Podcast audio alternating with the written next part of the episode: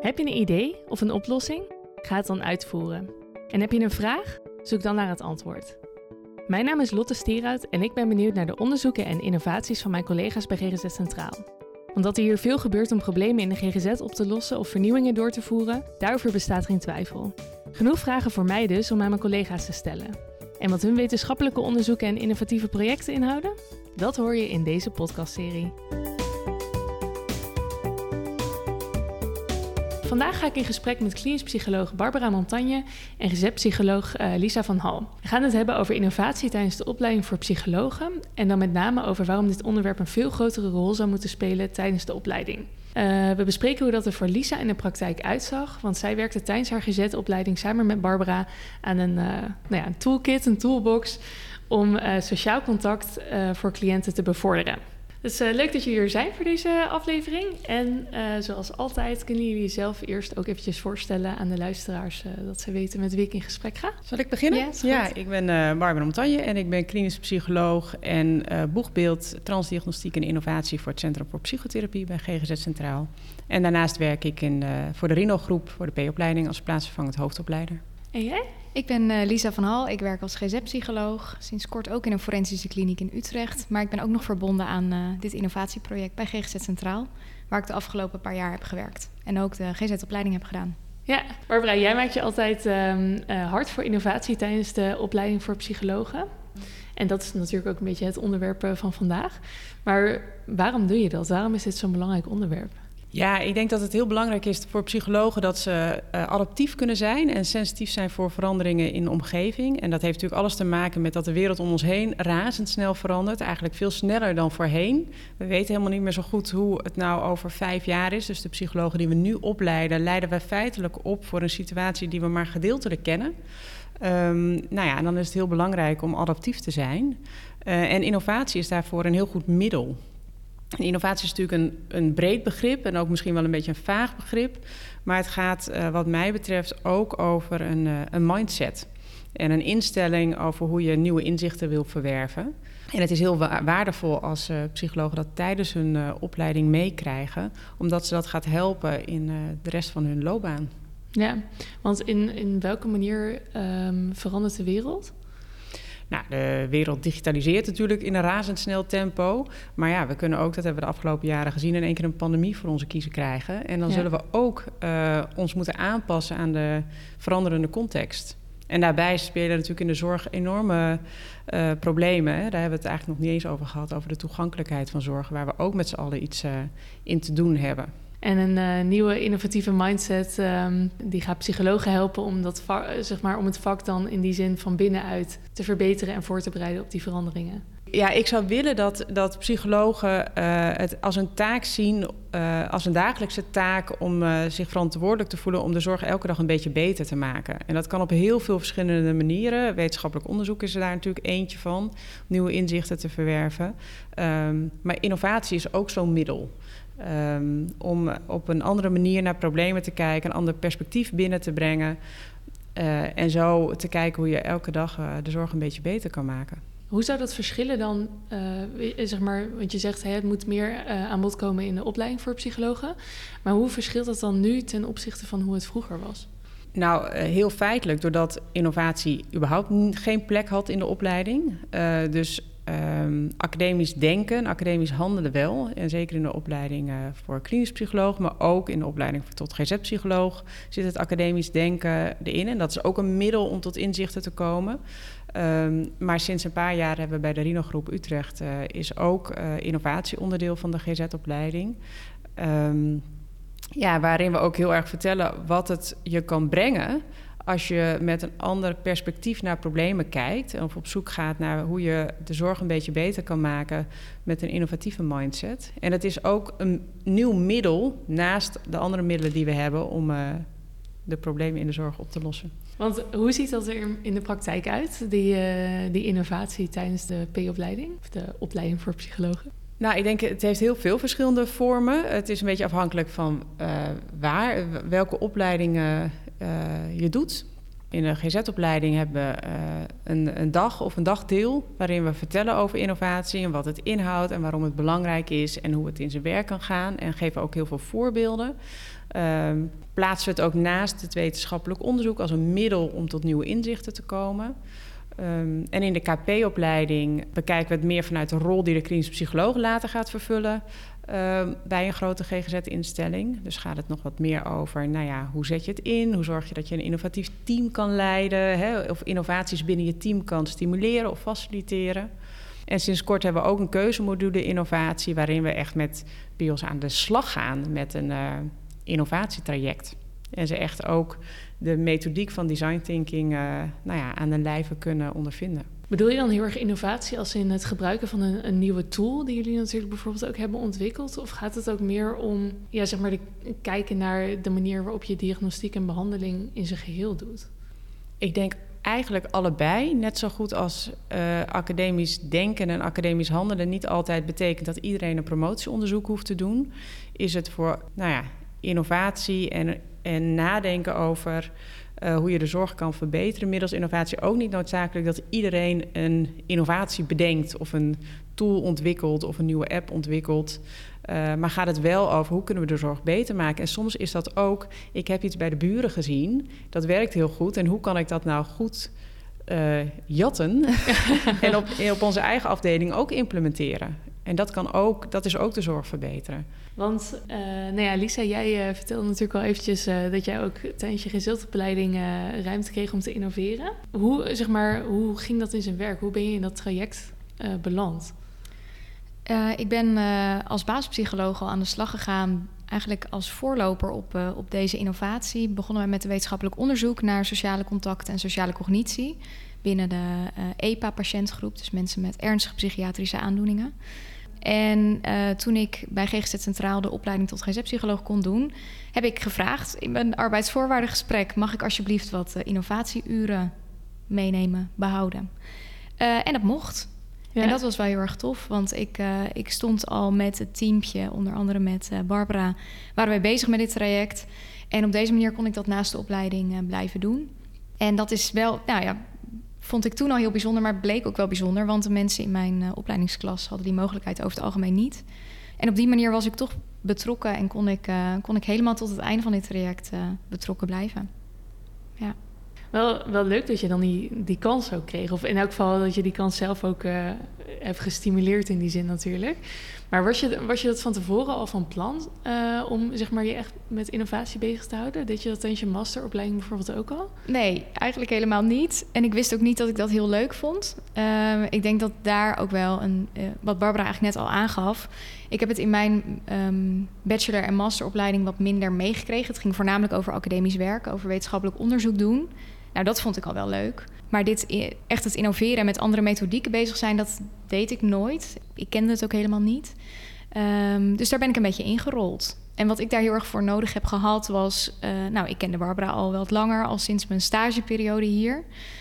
En die was heel enthousiast. En dan word je vanzelf ook wel enthousiast. Ja, dus, aanstekelijk. Um, het werkte bij mij goed om te horen van collega's met wie je samenwerkt... wat ze doen um, en wat dat kan bieden voor de zorg... En ook de optie om mee te kijken en te zien van vind je dat ook leuk? Ja. Nou, dat vond ik leuk. En dan, uh, dan moet je zelf goed, goed weten bij wie je moet zijn om daarom te vragen. Maar dan kan er eigenlijk heel veel. Ja. En dat, um, dat vond ik echt ontzettend tof. Ja, we noemden het natuurlijk tijdens de intro al wel eventjes kort. Maar jullie hebben dus uh, samen volgens mij uh, vooral deze toolkit, toolbox ontwikkeld voor sociale contacten. Hoe is dat ontstaan? Hoe ging dat in zijn werk? Ja, we begonnen eigenlijk um, nou, vanuit een eerder wetenschappelijk onderzoek dat er um, mensen waren die hier op het terrein verbleven en eigenlijk ja, moeite hadden met het vormen van sociale contacten of het behoud daarvan. Het was ook vaak een behandeldoel die nooit echt werd vervuld, wat ook wel wat, uh, wat verdrietig was. Uh, en Barbara is altijd veel bezig geweest met sociale cognitie. En toen hebben we een klein wetenschappelijk onderzoekje opgezet, eigenlijk met als doel kijken hoe houdt dat verband met elkaar. En wat kunnen we daarin in doen om dat eigenlijk te verbeteren?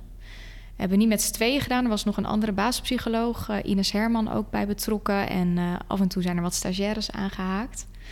En toen hadden we de eerste resultaten binnen. En toen bleek eigenlijk dat niets echt met elkaar verband hield. Dus we hoopten een hele duidelijke link te vinden tussen bijvoorbeeld sociale cognitie en de hoeveelheid of de tevredenheid over sociale contacten. Uh, maar dat viel wat tegen. Dus we moesten een andere manier bedenken om informatie op te halen. En eigenlijk te kijken, ja, waar zit nou dan precies het probleem? Of waar zit de ingang om wel tot een oplossing te komen? In plaats van ja, het resultaat wat we nu hebben. Ja, het is allemaal heel verschillend. De groep is heel diffuus. Dus we moesten echt op zoek naar een andere methodiek. Ja. Uh, en dat hebben we toen gedaan. Ik denk dat het hielp. We begonnen met een um, participatief actieonderzoek. Wat overigens ook nieuw was voor mij. Dat had ik in de opleiding nooit. Uh, uh, was ik dat nooit tegengekomen. Want wat is dat dan? Ja, dat is eigenlijk een andere manier van onderzoek doen, waarbij je veel meer in een soort uh, in cycli je onderzoek doet. Ja, je doet het eigenlijk in een soort lusjes, waardoor je continu nieuwe informatie ophaalt en dat gelijk probeert te integreren, uh, feedback ophalen en zo weer verder in je onderzoek. Wat wel anders is dan wetenschappelijk onderzoek waarbij je twee hypothesen opstelt, je dataverzameling doet, toetst en dan een resultaat vindt. Ja, en je hebt het nu heet het over wetenschappelijk onderzoek, want dat was dan eigenlijk ook jullie uitgangspunt van het project. Of was het toen al wel een beetje een doel om een, een innovatie te maken? Ja, het was wel een doel om een oplossing te bieden voor een probleem wat we zagen. En dat probleem wilden we eigenlijk nou ja, nog concreter maken middels wetenschappelijk onderzoek. En wetenschappelijk onderzoek, zoals wij het toen hadden opgesteld, gaat natuurlijk heel veel over groepsgemiddelden. En eigenlijk uh, kwamen we er op dat moment achter dat dat. Nou ja, je kan natuurlijk wel een groepsgemiddelde uh, berekenen, maar dat het gebaseerd was op heel veel diversiteit. Uh, en daar moesten we een oplossing voor verzinnen. En dat, dat kwam in de vorm van, van design thinking, een methodiek om tot innovatie te komen. Waarbij het eigenlijk niet over groepsgemiddelde gaat. Bij design thinking kijk je juist ook heel erg naar de, naar de extreme. Ja, dus het mooi voorbeeld is er altijd bij wat ze geven dat. Nou ja, je kan, uh, als je naar groepsgemiddelde kijkt, je kan met twee benen in een bak met water staan. Hè. Het, ene, ene been staat in, uh, in 0 graden en de andere in 70, 70 graden of 60 graden. En gemiddeld komt het wel in orde, maar beide benen gaan niet zo lekker. Ja. Um, nou, en dat is eigenlijk ook met, uh, met design thinking. Je kijkt juist misschien wel wat meer naar de outliers om te gaan begrijpen wat gebeurt er nou en waar zit daadwerkelijk de pijn van degene uh, voor wie je een oplossing wil bieden. En de, delen je dat ook door middel van die cycli? Die, dat onderzoeken? Ja, en we zijn in ieder geval veel meer, want dat is een ander kenmerk van design thinking, heel erg met de eindgebruiker in gesprek gegaan. Dus vanaf het moment dat we dachten dat we het inzicht kregen van nou, dat wetenschappelijk onderzoek, dat geeft heel veel waardevolle informatie, maar niet het totaalplaatje. We hebben echt nog gaten van kennis. Uh, zijn we met de eindgebruiker in gesprek gegaan. Over wat we hadden opgehaald bij de eerdere metingen, maar ook naar de behoeften. En toen ja. bleek eigenlijk dat wat wij dachten dat een, het probleem was wat we wilden oplossen, eenzaamheid, dat dat nog veel concreter gemaakt kon worden en uh, genuanceerder lag. En daar kwamen we echt pas achter toen we met de eindgebruiker in gesprek gingen. En toen, kwam, toen viel bijvoorbeeld ook voor het eerst de term emotionele voldoening, dat het daarin zat. En wat houdt dat in dan, emotionele voldoening? Ja, dat kan dus voor iedereen heel anders zijn. Maar het bleek wel een kernbegrip binnen eigenlijk alle cliënten dat ze daarnaar op zoek waren. Alleen hoe dat eruit ziet is voor iedereen anders. Uh, waardoor het moeilijk is om één innovatie te maken die voor iedereen past. Want dan past die waarschijnlijk voor iedereen net niet. Want dan ja. maak je iets op het gemiddelde. Dus wij moesten op zoek naar iets waarbij het helder wordt voor de cliënt en voor de behandelaar. Waar die specifieke persoon zijn emotionele voldoening uithaalt. Um, dus daar moest de tool veel meer op gericht zijn. In plaats van op het letterlijk bevorderen van sociale contacten. Ja, ja. En dat komt dus omdat het voor iedereen zo ontzettend anders was waar die emotionele voldoening uitgehaald kon worden. En dan ging het bijvoorbeeld, we hebben heel veel met uh, cliënten gesproken. Waarbij eigenlijk het doel was, joh, vertel eens. Vertel eens, hoe, hoe, hoe gaat dat bij jou? Wat vind je fijn, wat vind je niet fijn? En dan ging het bijvoorbeeld al om simpele dingen als... als de cashier een praatje met je maakt... Ja. Voor de ene cliënt was dat enorm bevorderend. Die had dan een veel leukere dag en voelde zich gezien en uh, onderdeel van het sociale verkeer. En een andere cliënt die vond dat verschrikkelijk, want die, die hield daar helemaal niet van. Dus die haalde zijn emotionele voldoening uit hele andere dingen. Ja. Um, dus wij zijn ons veel meer gaan richten op uh, wat horen wij nou continu terug van onze cliënten. Eigenlijk door heel veel gesprekken te voeren en al die informatie, dus veel meer kwalitatieve informatie, soort door een groot filter, door een soort trechter te halen en kijken welke thema's komen nu de hele tijd terug. Blijkbaar zijn die thema's onderdeel ehm, van sociale contacten in het, uh, in het groot, zeg maar. En moet het veel meer daarover gaan. Dus hoe is het voor deze specifieke cliënt op die thema's gesteld? Want dan blijft het wel een doel, ondanks dat je zeg maar ook echt naar de outliers kijkt, dan blijft het wel een doel om een tool te ontwikkelen die voor iedereen toepasbaar is. Ja, zeker. Maar hadden we wel meteen een grotere uitdaging erbij, omdat we niet een tool konden ontwikkelen die, nou ja, one size fits all, maar een tool ontwikkelen waarbij dus het gesprek gevoerd uh, kon worden over heel veel verschillende onderwerpen die allemaal relevant zouden kunnen zijn. Ja, en, en daar is uh, de sociale contacten tool uit voortgekomen. Ja, mooi bruggetje. Want ja. uh, kunnen jullie vertellen zeg maar, hoe die eruit ziet? Wat het inhoudt uiteindelijk precies?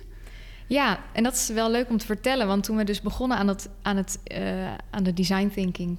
Um, wisten we niet wat eruit zou komen. Nee. En dat is wel ook bijzonder. Want normaal gesproken doe je op die manier geen onderzoek of, uh, of, of, dat soort dingen.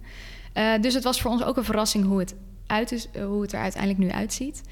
Nu ziet het eruit als een soort spel. Zo wordt het in ieder geval vaak door cliënten omschreven. Er zit een plattegrond in en zes themakaarten. En op die zes themakaarten staan thema's die eigenlijk continu terugkwamen in de verhalen van alle cliënten. Die op een bepaalde manier belangrijk zijn en verband houden aan sociale contacten. Um, Wat zijn dan uh, die thema's of voorbeelden van die thema's? Het kan bijvoorbeeld gaan over sociale vaardigheden, uh, over op praktische obstakels, uh, maar kan ook gaan over zelfbeeld en over seksualiteit en aanraking eigenlijk allerlei thema's. En hoe het werkt is dat een cliënt samen met de behandelaar de doos opent. Je hoeft het niet voor te bereiden, ook als behandelaar niet. En er zit een, een uitleg bij voor de cliënt en dat gaat eigenlijk over ga lekker ontdekken. Dus lees, praat hardop en nou ja, vertel vooral hardop wat je denkt, wat je tegenkomt. En voor de behandelaar is de instructie vooral luister en interrupeer niet, maar laat het gewoon gebeuren. Uh, schrijf mee als je iets hoort wat belangrijk zou kunnen zijn. En als resultaat heb je dan eigenlijk een gesprek. Niet eens echt tussen cliënt en behandelaar, maar meer tussen cliënt met zichzelf op een bepaalde manier. Ja. Uh, want die leest thema's en die reageert daarop. En je hoort daarin terug wat de cliënt, hoe de cliënt daarover denkt. Uh, en soms kom je daarin dingen tegen, ja, die, die, die, ja, bijvoorbeeld thema's waarvan een cliënt zegt dat vind ik ook lastig of daar worstel ik mee. Of een cliënt komt thema's tegen waarvan die zegt, nou, dat heb ik eigenlijk wel uh, op orde je eindigt dan ook met een soort samenvatting die je met je behandelaar kunt maken van wat hebben we nou allemaal besproken of eigenlijk wat heb jij cliënt, wat heb jij allemaal besproken en dat kun je dan op uh, doelen en krachtenkaartjes zetten om, uh, om mee naar huis te nemen. Dat zijn een soort kleine um, kaartjes die je als een soort sleutelbos zou kunnen meenemen. Uh, en bewust staan daar ook de krachten op, omdat een van de dingen die ik zelf wel heel opvallend vond is ehm, bij het hele proces waarbij we met cliënten in gesprek waren over sociale contacten dat ze ook heel goed konden benoemen wat heel goed gaat. Waar hun eigen krachten liggen, waar hun interesses liggen, wat ze goed van zichzelf weten. En dat is absoluut niet minder belangrijk dan de dingen die soms moeilijk gaan. Nee, juist niet, toch? Nee. Dus het betekent soms ook dat cliënten weglopen met uh, doelen en krachtenkaartjes waar misschien één doel op staat en vijf krachten. En waarvan ze achterkomen, joh, eigenlijk zit dit wel oké. Ja, ja, ik wil graag een relatie en dat vind ik lastig dat het nog niet zover is. Maar als ik zo eens al die thema's bekijk, ben ik eigenlijk best tevreden. Ik denk dat het wat heel waardevolle feedback was dat uh, je eigenlijk in drie kwartier tijd heel veel verschillende thema's raakt. En dat zowel case managers als cliënten teruggaven dat nou ja, gewoon er heel veel uh, dingen aangeraakt en besproken werden die voorheen nooit besproken waren. Dus mensen die al jaren met elkaar optrokken uh, in behandeling, dat er toch nieuwe inzichten kwamen en nieuwe onderwerpen op tafel lagen. En dat je vanuit daar kan kijken, ja, moeten we hier iets mee of willen we hier iets mee? Want er waren ook cliënten die zeiden van, ja, dit is wel een punt voor mij, ga ik niet met jou bespreken. Dat is ook prima. Ja. Maar dat je het wel uh, benoemt en dat het op tafel komt. Ja, want dus heel kort samengevat is de toolbox eigenlijk dus een instrument om een gesprek te openen, nieuwe inzichten te krijgen en te onderzoeken tussen zowel cliënt uh, als behandelaar van joh, is dit een punt van aandacht? Um, is dit iets waarmee we je verder kunnen helpen of gaat het eigenlijk wel goed op het gebied van sociale contacten? Ja, Ja. waarbij denk ik een, ehm, een van de, van de sterkste kanten daaraan vind ik... is dat de cliënt in principe de regie heeft over wat er gebeurt. Ja, Dus eh, zowel in de instructie als uiteindelijk wat er in dat uur wordt besproken. De cliënt heeft daar een regie van wat wil ik hiermee? Wil Ja. ik hier iets mee? En zo ja, met, met wie wil ik er iets mee? Eh, want soms kwamen er inderdaad ook doelen uit die, eh, waarvan ze zeiden... nou, dat doe ik liever met mijn eh, persoonlijk begeleider van de beschermde woonvorm. en het is volgens mij een relatief nieuwe innovatie. Maar hebben jullie al resultaten uit de praktijk van, van andere psychologen die hem al hebben gebruikt? Ja, nee, dat is echt heel tof. We zijn sinds eh, december, denk ik, begonnen met implementeren. Dus we hebben de dozen laten maken en we zijn gewoon langs de teams gegaan. We hebben ons onderzoek gericht eh, en onze innovatie gericht op de FACT-teams, waar dus vooral de eh, patiënten zitten met ernstige psychiatrische aandoeningen. Maar we implementeren ook bij andere teams van GGZ Centraal. Waaronder de ambulante tak van ouderenpsychiatrie, ehm, de eh Emerhezen en Voornhezen, dus meer gericht op autisme bij volwassenen en bij kinderen, eh, jongvolwassenen. Eigenlijk zijn we inmiddels in alle regio's eh, langs geweest. Ehm, en wat we terug horen is dat het wordt gebruikt en dat er elke keer weer een heel ander verhaal eigenlijk naar voren komt. Ehm, we hebben het getest één op één eigenlijk. Dus met een case manager en cliënt en dan wij vaker bij als observator. Ehm, maar er zijn ook teams die bijvoorbeeld in de deeltijd al hebben gebruikt. En dan niet eh, met z'n allen alle thema's bekijken, maar bijvoorbeeld één themakaart tijdens een deeltijdbehandeling besproken. Van joh, wat roept dat op? En ehm, af en toe sturen we nu van die evaluatieformulieren om wat feedback op te halen. Maar ik krijg ook wel eens mailtjes eh, van gewoon een heel enthousiast verhaal. Van joh, ik heb het vandaag gebruikt met een cliënt. Het was echt een heel tof gesprek. Ehm, dit en dit kwam naar voren. We hebben er nieuwe doelen van gemaakt. Ehm, dus dat is ja, goed. ja, Ja, want dat is natuurlijk één, zeg maar, een innovatie maken. Maar dat die daarna ook echt in de praktijk wordt gebruikt, dat, eh, dat is natuurlijk weer een ander punt. Ja, dat is, dat is natuurlijk heel erg lastig. Maar wat, wat het leuke is, misschien nog heel even terug naar het proces van de innovatie, Mhm. is dat je. Er zit heel veel onzekerheid in. En, en ehm, ik vond het als, ja, denk ik, eh, in de kern misschien wel, met name eerst wetenschappelijk onderzoeker, best wel lastig om, de, om deze nieuwe methodiek ook toe te passen. Omdat je eigenlijk per stap onzekerheid hebt. En pas aan het eind van elke stap kijk je weer... oké, wat hebben we geleerd en wat betekent dat... voor hoe we de volgende stap gaan inrichten. En omdat het zo'n cyclisch proces is... eh, haal je steeds opnieuw weer nieuwe feedback op... waardoor je dan weer opnieuw moet kijken... oké, wat betekent dit voor onze innovatie, voor ons design? Hoe gaan we dat aanpassen? Hoe gaan we dit meenemen? Ehm, dus dat is spannend ook heel leuk, maar ook heel spannend. En daar gaat ook een bepaalde onzekerheid bij gepaard. Maar het voordeel is dat op het moment, omdat je het zo vaak test met cliënten en case managers, is dat als je, dat je aan het eind met iets eindigt waarvan je weet dat cliënten en case managers er enthousiast over zijn. En dat het zich in de praktijk eigenlijk al heeft, nou ja, deels heeft bewezen als zijnde werkzaam. Ja, Uh, dus dat, was, dat is denk ik wel heel leuk. Want Ja. als ik nou kijk naar ja, wat wij. Het, het is een doos geworden. Dat was echt niet wat wij hadden bedacht van tevoren. En we hebben best wel ons best gedaan om, uh, nou, om er nog iets technisch in te krijgen. We zijn begonnen met het idee van een app. We hebben op een gegeven moment nog QR-codes voorgesteld. Al dat soort suggesties zijn door cliënten steeds gezegd: nou ja, dat ja, kan je erin stoppen, maar dat hoeft voor mij niet. Nee. Ja, ga ik niet gebruiken. nee. Dus het is een ontwerp geworden, echt ook samen met de cliënten en de, en de doelgroep voor wie we het hebben bedoeld. En dat was ook heel leuk toen we het uh, gingen presenteren en nog een soort van feestje hebben georganiseerd met uh, cliënten die met ons mee hebben gedacht. Die herkenden ook echt hun eigen feedback in het eindproduct. Want hadden die dan misschien van tevoren al wel meer in hun hoofd van... joh, we willen gewoon papieren kaarten en uh, een mogelijkheid om het gesprek te openen? Of kwamen zij gewoon meer met punten van... joh, ik zou dit graag willen zien, ik mis dat in de behandeling... en hebben jullie die creatieve slag gemaakt naar uh, de toolkit? Ja, eigenlijk een beetje samen gedaan. Ik denk als we onze cliënten hadden gevraagd hoe moet het eruit zien, ja, dan hadden we daar niet echt gelijk een antwoord op gekregen, zoals de toolkit die er zeg maar nu ligt. Wat we eigenlijk moesten doen is continu iets aandragen van hoe vind je dit? En je moet je voorstellen dat we elke keer uh, als de, het, het ontwerp er eigenlijk anders uitzag, hebben we het getest, zowel op inhoud als op vorm. Dus nadien, na het testen, zeg maar, als ze echt de toolkit hadden doorlopen, vroegen we: wat vond je ervan? Wat kan, wat kan er anders? Wat zou je anders willen zien? Wat vind je van de vorm? Wat vind je van de kleuren? Wat vind je van de tekst? Uh, hoe vind je dat het zo op tafel ligt? En het waren echt prototypes, hè? Ja, we begonnen echt met een poster. Het zag er echt niet uit, om eerlijk te zijn. En dat kregen we ook terug aan het begin. Van, nou ja, dit kan echt niet. Het moet, het moet echt anders.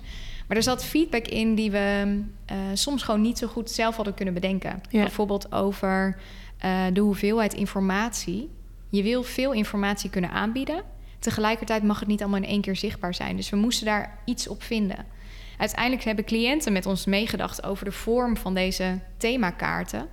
Het zijn hexagons die je kunt openklappen. Wat heel veel soort um, aspecten in zich heeft waardoor het goed werkt. Ja. Je, kunt, je kunt informatie wegklappen, maar je kunt het ook. Uh, het, het, is ook interactief genoeg om het soort uit te nodigen dat je het wel wil openmaken. En nou, dat hadden wij niet zelf bedacht. Wij zaten denk ik nog met ons hoofd in de QR-codes en de pionnen. En nou, we hebben heel veel ideeën zelf gehad die het niet hebben gehaald. En dat komt omdat onze cliënten veel beter konden aangeven: nee, maar dit werkt wel voor mij. En soms waren we ook wel wat dwarsig, denk ik, in dat we het bleven aanbieden. Dacht, nee, maar dit is wel echt een goed idee wat wij hebben. Cliënt gaat nou gebruiken. En dan gebruikt ze het de hele tijd toch niet. En dan heb je, je ehm, binnen de design thinking gebruik je design criteria om eigenlijk te toetsen, werkt dit? Nou, dan konden we gewoon elke keer terugzien, ja, dit werkt dus niet. Wij vinden het zelf een heel goed idee, maar de cliënt gebruikt het niet. Dus dan is het ook geen goed idee. Uh, want dat is continu de uitgangspositie. Het moet, een innovatie is natuurlijk pas zinvol als de cliënt het ook gebruikt en het fijn vindt om te gebruiken. En als dat is gelukt, ja, dan heb je denk ik een goede tool in handen. Ja, het is wel grappig. Um, tijdens het vorige gesprek dat ik had met twee andere collega's, kwam dat eigenlijk ook heel erg terug. De, zeg maar, de focus op, oké, maar de eindgebruiker wat vindt en wil die, um, daar zeg maar, maken we het voor. En dat dat eigenlijk soms een vernieuwend idee op zich is. Ja, we zeggen binnen design thinking en binnen innovatie ook wel, je moet echt verliefd worden op het probleem en niet op de oplossing. En dat is denk ik continu de balans. En, dat, en daar vervallen we allemaal af en toe in. Dat, je, hè, dat we denken, oh ja, dit is echt een hele goede oplossing. Ja. Um, maar het doel is om een uh, probleem op te lossen. Dus het probleem moet je heel scherp hebben. En het doel is niet om een heel fancy, mooi spel met allerlei QR-codes of technische dingen uh, te maken waar wij heel blij van worden of die wij heel erg mooi vinden, wat vervolgens in de kast blijft liggen. Dus het is echt elke keer weer elkaar scherp houden. Ja, maar wat was nou het probleem wat we gingen oplossen? En dan om dan weer even zeg maar, terug te pakken naar het onderwerp waar we aan het begin uh, natuurlijk over spraken, over het belang van innoveren tijdens je GZ-opleiding.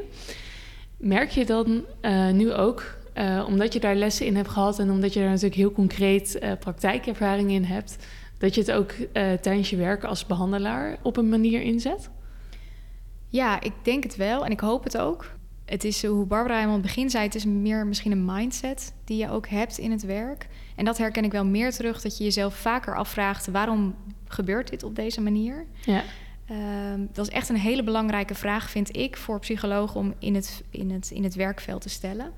Maar ook bijvoorbeeld als iets niet lekker loopt uh, in een behandeling of in een diagnostisch proces, dat we goed stilstaan bij waarom loopt het niet? Wat is nou echt het probleem? Waarom gebeurt dit?